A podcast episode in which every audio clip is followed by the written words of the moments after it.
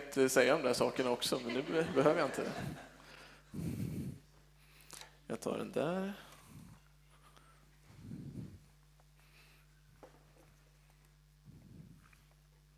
Så. Härligt. Så brukar Lukas säga. Då säger jag det också. Så då har jag börjat bra i alla fall. Ja, jag jobbar som lärare i, i, till vardags i högstadiet i Östhammar på Frösåkerskolan. Undervisar i samhällskunskap, historia och religion och geografi. Geografi har jag inte läst, men det får man undervisa på köpet ändå. Eh, jag är väldigt glad över möjligheten att få predika idag. Jag blev glad när jag fick frågan och tycker att eh, det känns kul. För ja, jag är ju van att prata för människor, men det är en annan sak att prata för eh, 20-30 ungdomar än att prata till sin egen församling. Och kanske om något viktigare saker också. Eh, så jag är lite nervös också naturligtvis. Och jag har frågat mig, vad ska jag säga? Det är inte så lätt. Men jag har, jag har bett att det ska få bli inte det som jag vill säga, utan att jag har bett Gud och frågat, vad vill du säga? Och jag tror att, att det som jag har förberett, att det är Herren som har lagt det på mitt hjärta. Eh, så att vi går till bibeltexten. Det är från Matteus 5, vers 13 till 16. Om jordens salt och världens ljus. Det är Jesus som predikar här till sina lärjungar och det är också Jesus som säger det här till sin församling idag. Han säger, ni är jordens salt, men om saltet förlorar sin sälta, hur ska man då göra det salt igen? Det duger bara till att kastas ut och trampas ner av människor. Ni är världens ljus, inte kan en stad döljas som ligger på ett berg. Inte heller tänder man ett ljus och sätter det under skeppan, utan man sätter det på ljushållaren så att det lyser för alla i huset. Låt på sätt, samma sätt ert ljus lysa för människorna, så att de ser era goda gärningar och prisar er fader i himlen. Jordens salt och världens ljus. Jesus han sände sin församling ut i världen för att vara jordens salt och världens ljus. Och jag tror att Guds tanke idag är att uppmärksamma oss, dig och mig, på vilket sätt vi kan vara jordens salt och världens ljus. Det kan man behöva liksom vrida och vända lite på, fundera på. Vad, vad betyder det egentligen? Och om vi börjar med salt, så kan man säga att salt har två egenskaper. Och det första är att saltet ger smak. Saltet är en fantastiskt bra krydda. Det har ingen egen stark smak, men det framhäver matens smak. Och rätt mycket smak skulle bli ganska tråkig om man inte hade salt. Små barn ska inte äta så mycket salt. När de är nyfödda så får man eh, information från barnavårdscentralen, broschyrer och böcker och hur mycket som helst. Eh, om att barnen, det står allting där om att ta hand om barn. Eh, och det står att barn ska inte äta så mycket salt när de är nyfödda, småbarn. Så vi slutade salta havregrynsgröten hemma eh, när våra barn föddes. Och eh, hur många här inne har ätit osaltad havregrynsgröt? Ja. Hur många tycker att det är bättre med salt i? Är det någon som tycker att det är bättre med osaltad? Törs du säga? Ja, det finns några. Ja, man kan faktiskt vänja sig, absolut. Jag, jag vande mig och tyckte att det var helt okej med osaltad gröt. Men sen när, när barnen blir lite äldre och så börjar man salta igen så känner man att wow, det här är en helt annan måltid. Gröt alltså. Det värsta är när man, när man är van att inte salta själv och sen så är man på läger och så råkar man glömma bort saltet till ett helt läger. Det är inte så populärt. Men eh, det går. Men i alla fall, så salt är gott och det gör skillnad i maten. Det smakar gott. Och nummer två, saltet smakar inte bara gott, utan salt kan också bevara och konservera mat. Innan man hade kylskåp så brukade man salta kött och fisk och andra saker för att det skulle hålla sig fräscht länge. Och eh, om man inte gjorde det så började det så småningom ruttna och sen så blir det helt förstört ganska snabbt. Ni kan ju tänka er själva om man bara låter något ligga framme, en köttbit, utan att ligga i kylen, då förstörs den ganska fort.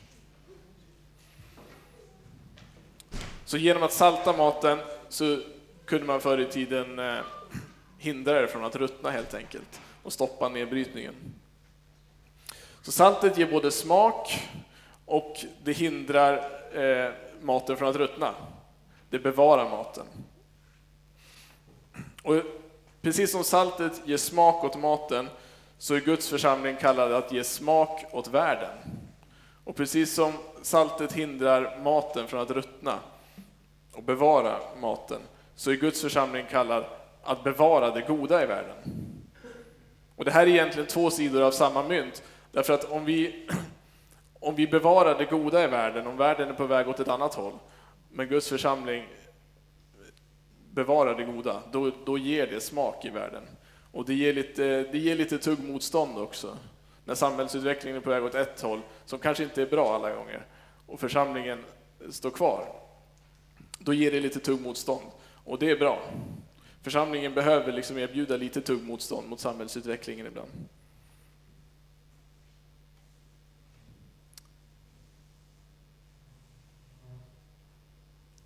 Och jag tror, när det gäller smak, så tror jag att eh, många människor i samhället idag lever ett, värld, eh, ett liv utan smak, bildligt talat. Man kanske kryddar maten, men eh, anden och själen lever utan smak. Att det känns liksom torrt och smaklöst. Jag var på en lägenhetsvisning i Lund, när vi bodde där, skulle flytta till en ny lägenhet. Och så var, såg jag en kylskåpsmagnet som, har, som jag minns väldigt väl. Och på den så stod det Wake up, Netflix, pizza, sleep, repeat.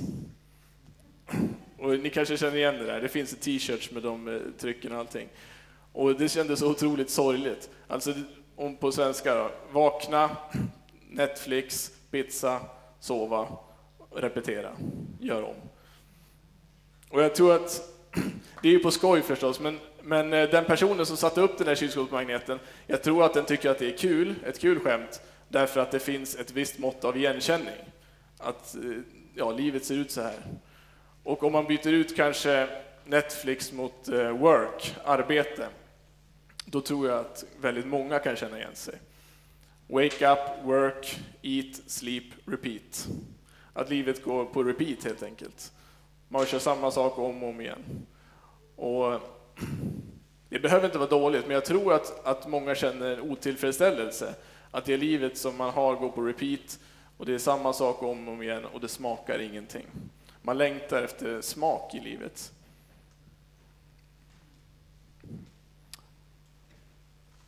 Och man kan ju försöka man kanske försöker fylla liksom, eh, tillfredsställa den längtan efter smak med olika saker. Men där tror jag att det är Guds församlings roll är att nå ut med evangeliet om Jesus. Att det finns, det finns ett liv som smakar. Att leva med Jesus, någonting mer att leva för, ett uppdrag. Att det går liksom upp på morgonen för att Gud älskar mig och han, han vill umgås med mig och jag kan ha gemenskap i hans församling och det jag gör, det har betydelse, det har evighetsvärde. Det är ett liv med stark smak av mening och glädje. Och jag tror, jag tror att det verkligen är vår eh, uppgift att eh, gå ut med det i världen och erbjuda, vara salt och erbjuda smak till världen.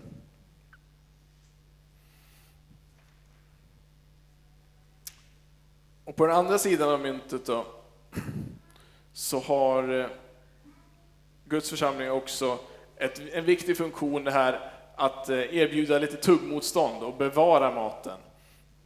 För mycket i vårt samhälle blir bättre, men det är också mycket som inte blir bättre i samhället.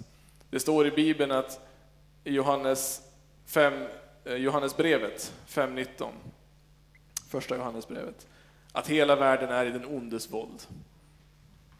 Och i Uppenbarelseboken så står det hela tiden om att världen vid tidens slut kommer bli en allt sämre plats att leva på. Alltså det, det, står i Guds ord att det är mycket som går, som går åt fel håll och som kommer fortsätta gå åt fel håll.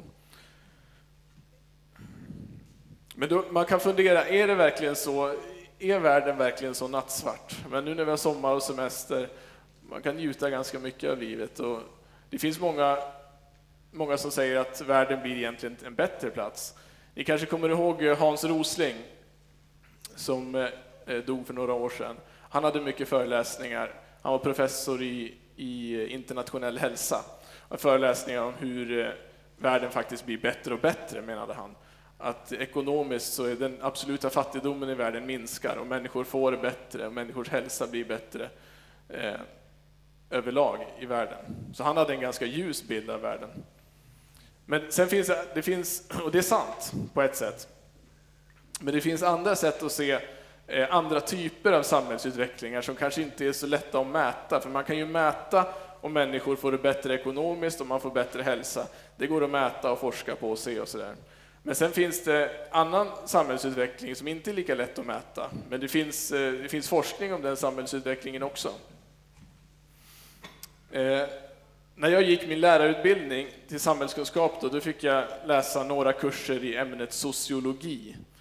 Och sociologi det betyder läran om hur människor lever och är tillsammans i ett samhälle. Alltså vad finns det för sociala mönster och eh, hur lever vi tillsammans i samhället? Och jag har varit lite chockad, för jag har aldrig hört så nattsvarta beskrivningar av samhället och vart det är på väg.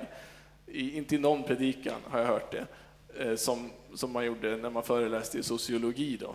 Hur människor är tillsammans i samhället och den utvecklingen. Det, det är vår tids eh, sekulära domedagsprofeter kan man säga, sociologerna. Och eh, de är experter på att peka ut och se att det är saker i samhället som inte blir bättre kan man säga. Så de har lite mer kritisk blick. Och när, när jag satt där på föreläsningen och lyssnade så, så, kände jag hela tiden att det här är sant. Det, det är liksom eh, skarpa tänkare, de är bra, de, de, har, eh, de har verkligen poäng här. Och hela tiden så såg jag Eh, men det är Jesus som är lösningen. Och det, men det, det sa ju inte de, naturligtvis. Men eh, det var verkligen, verkligen nyttigt på ett sätt att höra. Och varför jag tar fram det och säger det nu, det är att jag vill att vi ska veta att det inte bara är vi kristna som liksom ofta tycker och kanske predikar att eh, världen är på väg åt fel håll, utan samhällsvetenskapens skarpaste hjärnor, de gör det också, kanske ännu mer. Och det är viktigt att eh, se. För ibland tror jag vi kan liksom känna lite grann så här att ja, men det kanske överdriver lite, världen är ju ganska bra ändå. Det är sådär. Men eh, det finns mycket, mycket i vår värld som inte är bra. Och jag tänkte ta ett exempel då, som, eh, som, som är en sån utveckling som inte går att se och mäta så lätt med blotta ögat. Och det är, det är individualismen i samhället som genomsyrar hela samhället idag. Man kan säga att individualismen betyder att var man för sig, eller var kvinna för sig. Att man ska, man ska vara sig själv nog och man ska inte vara beroende av någon annan. Utan man ska vara självständig. För om jag inte är beroende av någon annan, om jag är självständig och kan liksom hela tiden bestämma själv över mitt liv, då, är jag också, då kan jag också bli fri. Det är liksom individualismens tanke. Och det är en fin tanke på ett sätt med frihet. Men om jag inte aldrig är beroende av någon annan, då är baksidan också att, att gemenskapen i samhället armas ut ganska mycket. Om vi inte är beroende av varandra, för att gemenskap bygger på ömsesidigt beroende. Och för att ta några konkreta exempel så tänkte jag nämna hur, det här kan, hur man kan se det här i samhället. Det här är förändringar som har liksom pågått ganska mycket.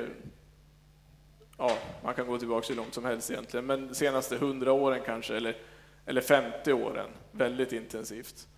Eh, ett exempel, det är hur äldre människor idag, eh, de har befriats ifrån sitt beroende av släkt och familj genom att eh, kommunen och staten har tagit över ansvaret för att försörja genom pensionssystemet och äldrevård hemtjänst.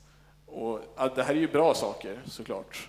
Men eh, de är byggda på den här individualistiska logiken att, att man ska vara självständig, alltså man ska inte vara beroende av andra människor.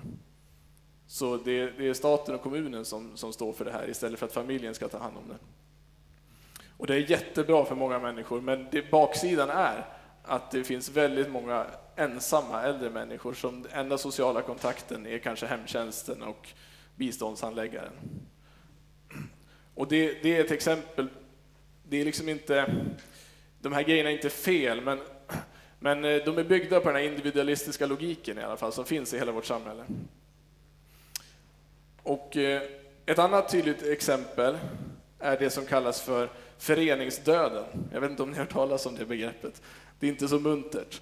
Men eh, det främst används inom idrottsorganisationer som har väldigt svårt idag att eh, fortsätta sin verksamhet, att värva nya medlemmar och behålla medlemmar. Och det är jättemånga idrottsorganisationer som liksom är på väg ner, som bara tynar bort och försvinner. Och vad är orsaken till det? Jo, det är att i ett individualistiskt samhälle så är det, det är ett för högt pris för många att betala att man ska binda upp sig på träningar flera dagar i veckan, man ska spela match på helgen som man inte har bestämt själv när de ska vara och man måste kanske dessutom stå i kiosken en gång var femte vecka. Det blir för mycket. Och det kan man, det kan man skratta åt och tycka att det inte känns så mycket. Men, eh, och många av oss som är här är ju med i en församling, så vi tycker att det, det låter väl inte så mycket. Men eh, trenden är ändå tydlig här, det finns en statistik och det är liksom, ja, idrottsföreningar är på väg bort. Eller så måste man elitsatsa så att man kan tjäna pengar på det. Och det är ytterligare ett sista exempel lite grann på hur individualismen är ett problem, är samma sak med politiska partier idag. Det är jättefå medlemmar, människor som engagerar sig jämfört med hur det var förr. Idag är det 250 000 personer i Sverige som är medlemmar i ett politiskt parti. Och på 70-talet, när vi hade en mindre befolkning, då var det ungefär en och en halv miljon som var medlemmar.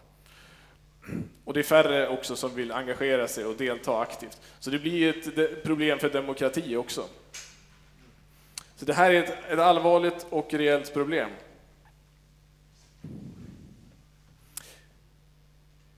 Den nyvalda ärkebiskopen i Svenska kyrkan, Martin Modéus, sa en väldigt intressant sak när han blev intervjuad av Sveriges Radio i programmet Människor och tro. Eh, då, för då frågar de honom om medlemsutvecklingen. För det är ju samma sak i Svenska kyrkan och i många frikyrkor, att medlemsutvecklingen eh, går neråt.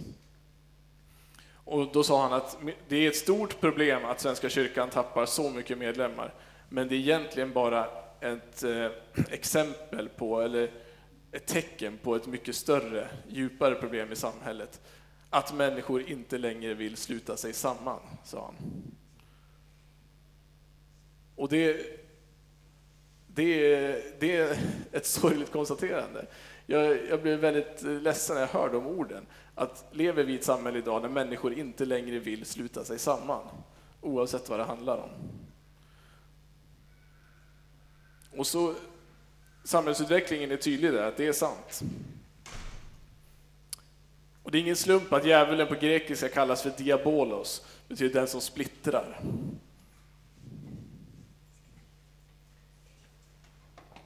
Vi i Furuhöjdskyrkans församling, vi är ju en ideell förening.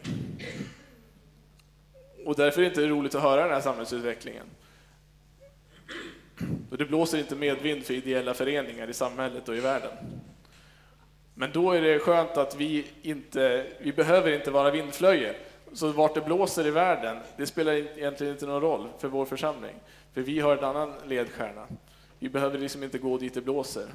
Utan vi är kallade av Gud till att vara gemenskap. Och det, och det är så mycket starkare, den kallelsen, än, än individualismens kallelse att var och en ska gå sin egen väg.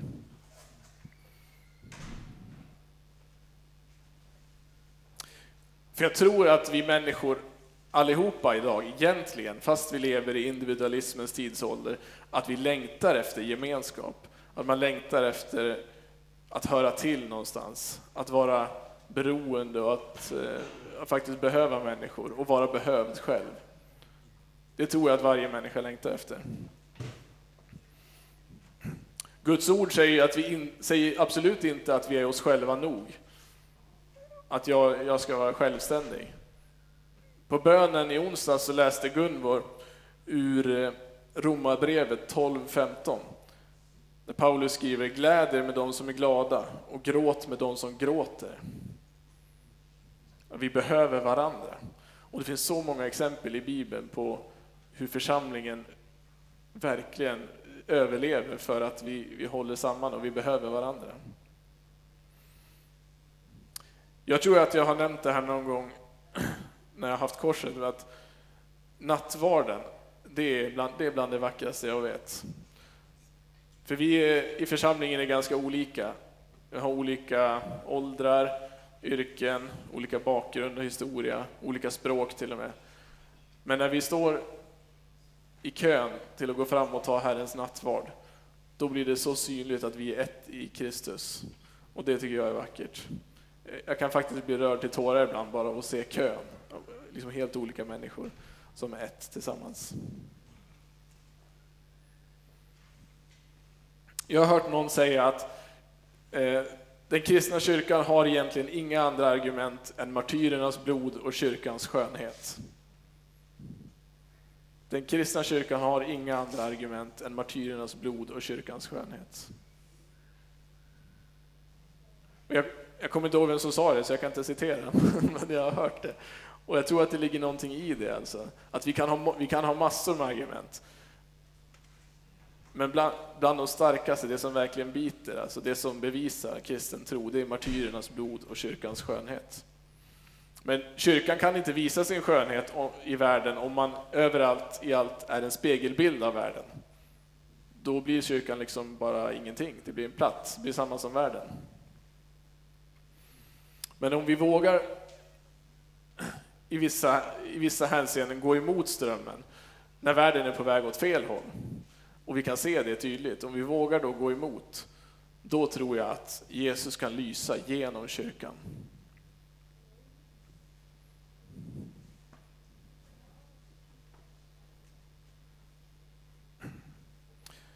Och det är inte, det är inte vår personliga förträfflighet, alltså att vi ska lysa, att vi, att, att vi verkligen anstränger oss och åstadkommer det här. Det är inte det som lyser. Det står ju i Bibeln att Jesus är världens ljus.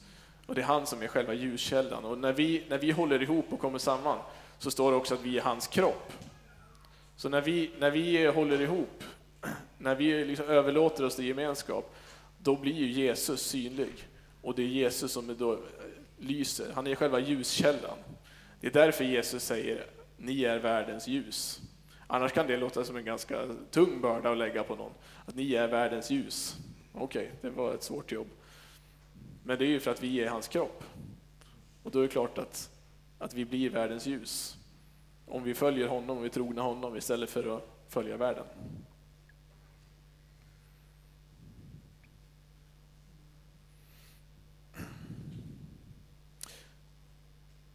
Och vi är salt också. Salt som smakar underbart gott.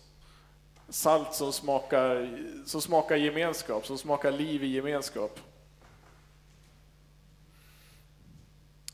Och jag tror att det är så otroligt viktigt att, att vi i församlingen i den här tiden vågar, vågar liksom stå emot individualismens impulser. Att inte liksom våga ge sig hän och överlåta sig i församlingsgemenskapen i den här tiden. Att vi vågar satsa på gemenskap. Att vi vågar sluta oss samman i en tid där människor inte längre törs det. Man är rädd för liksom långsiktig gemenskap. För jag tror att Martin Modéus ord om att människor inte längre vill sluta sig samman, det är sant i en yttre mening. Att det finns så mycket annat som lockar. Men i, i sitt inre tror jag att varje människa, man, vi är ju skapade så, att vi längtar efter gemenskap och tillhörighet. Ett tecken på det som jag tycker man kan se är den eh, omättliga efterfrågan på tv-serier som handlar om gemenskap. Jag tänker på tv-serien Vänner. Det är ju ett gäng vänner, det är precis vad den heter och det, det är det den handlar om. Vänner som träffas och de umgås. Och de gör egentligen inget annat. Det finns ju ingen handling i den tv-serien. De träffas varje dag och de umgås och de har roligt ihop. Och, och hur, hur, kan man liksom, hur många säsonger av Vänner finns det? Någon som vet? Tio. Ti, tio säsonger. Och det är ingen handling. De bara träffas och umgås och de är ett härligt gäng ihop. Och det är dessutom inte den enda serien, det finns ju hur många som helst till. How I Met Your Mother, New Girl, Big Bang Theory. Det är de jag kan och jag tittar inte ens på serier. Så jag räknar med att det finns hur många som helst. Massor av serier, massor av säsonger utan en handling. Och det är för att det här konceptet, det går hem. Det är vänner som träffas tillsammans, som har nära relationer och som eh, liksom är ett tajt gäng. Jag tror att det är, det är ett tecken på att eh, vi liksom hungrar och törstar efter gemenskap i en värld som är svältfödd på äkta gemenskap.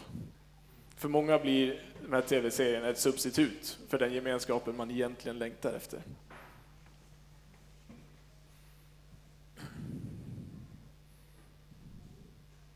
Så jag vill uppmana oss, och jag tror att det är Gud som uppmanar oss, att våga gå emot den här extrema individualismen i samhället och visa, visa det vackra i gemenskap.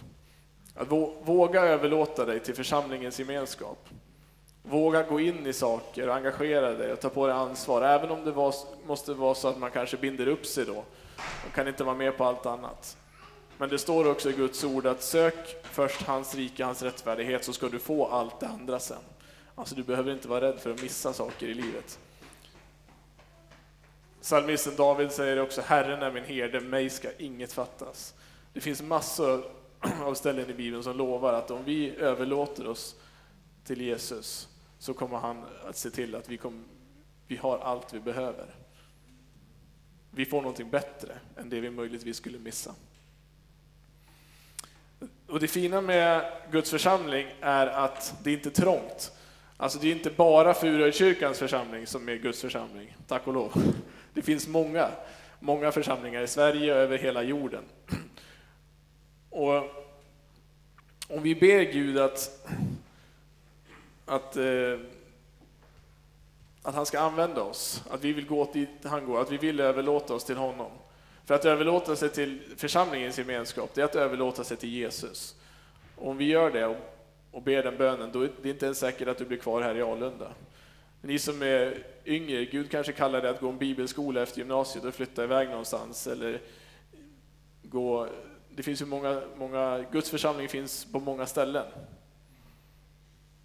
Eller så kanske han kallar det ett missionsuppdrag på andra sidan jorden, eller ett missionsuppdrag i Gimo kanske.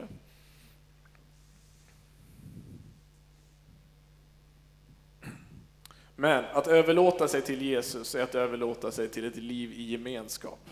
Det är så viktigt. Då kan vi bli ljus och salt för världen.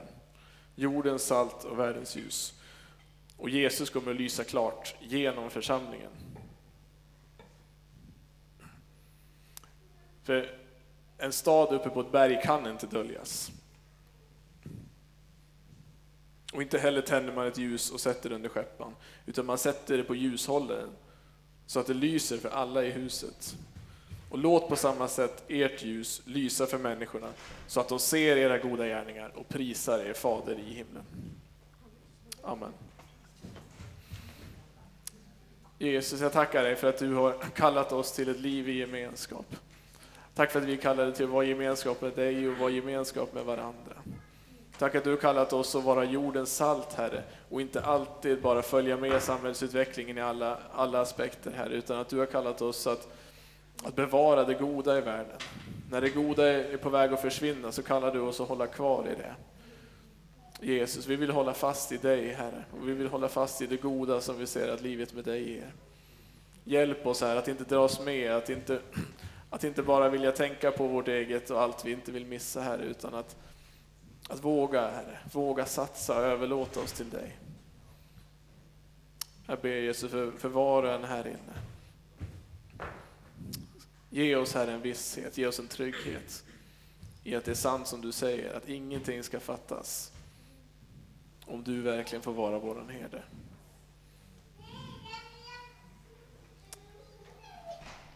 Tack Jesus. Amen. Vi fortsätter med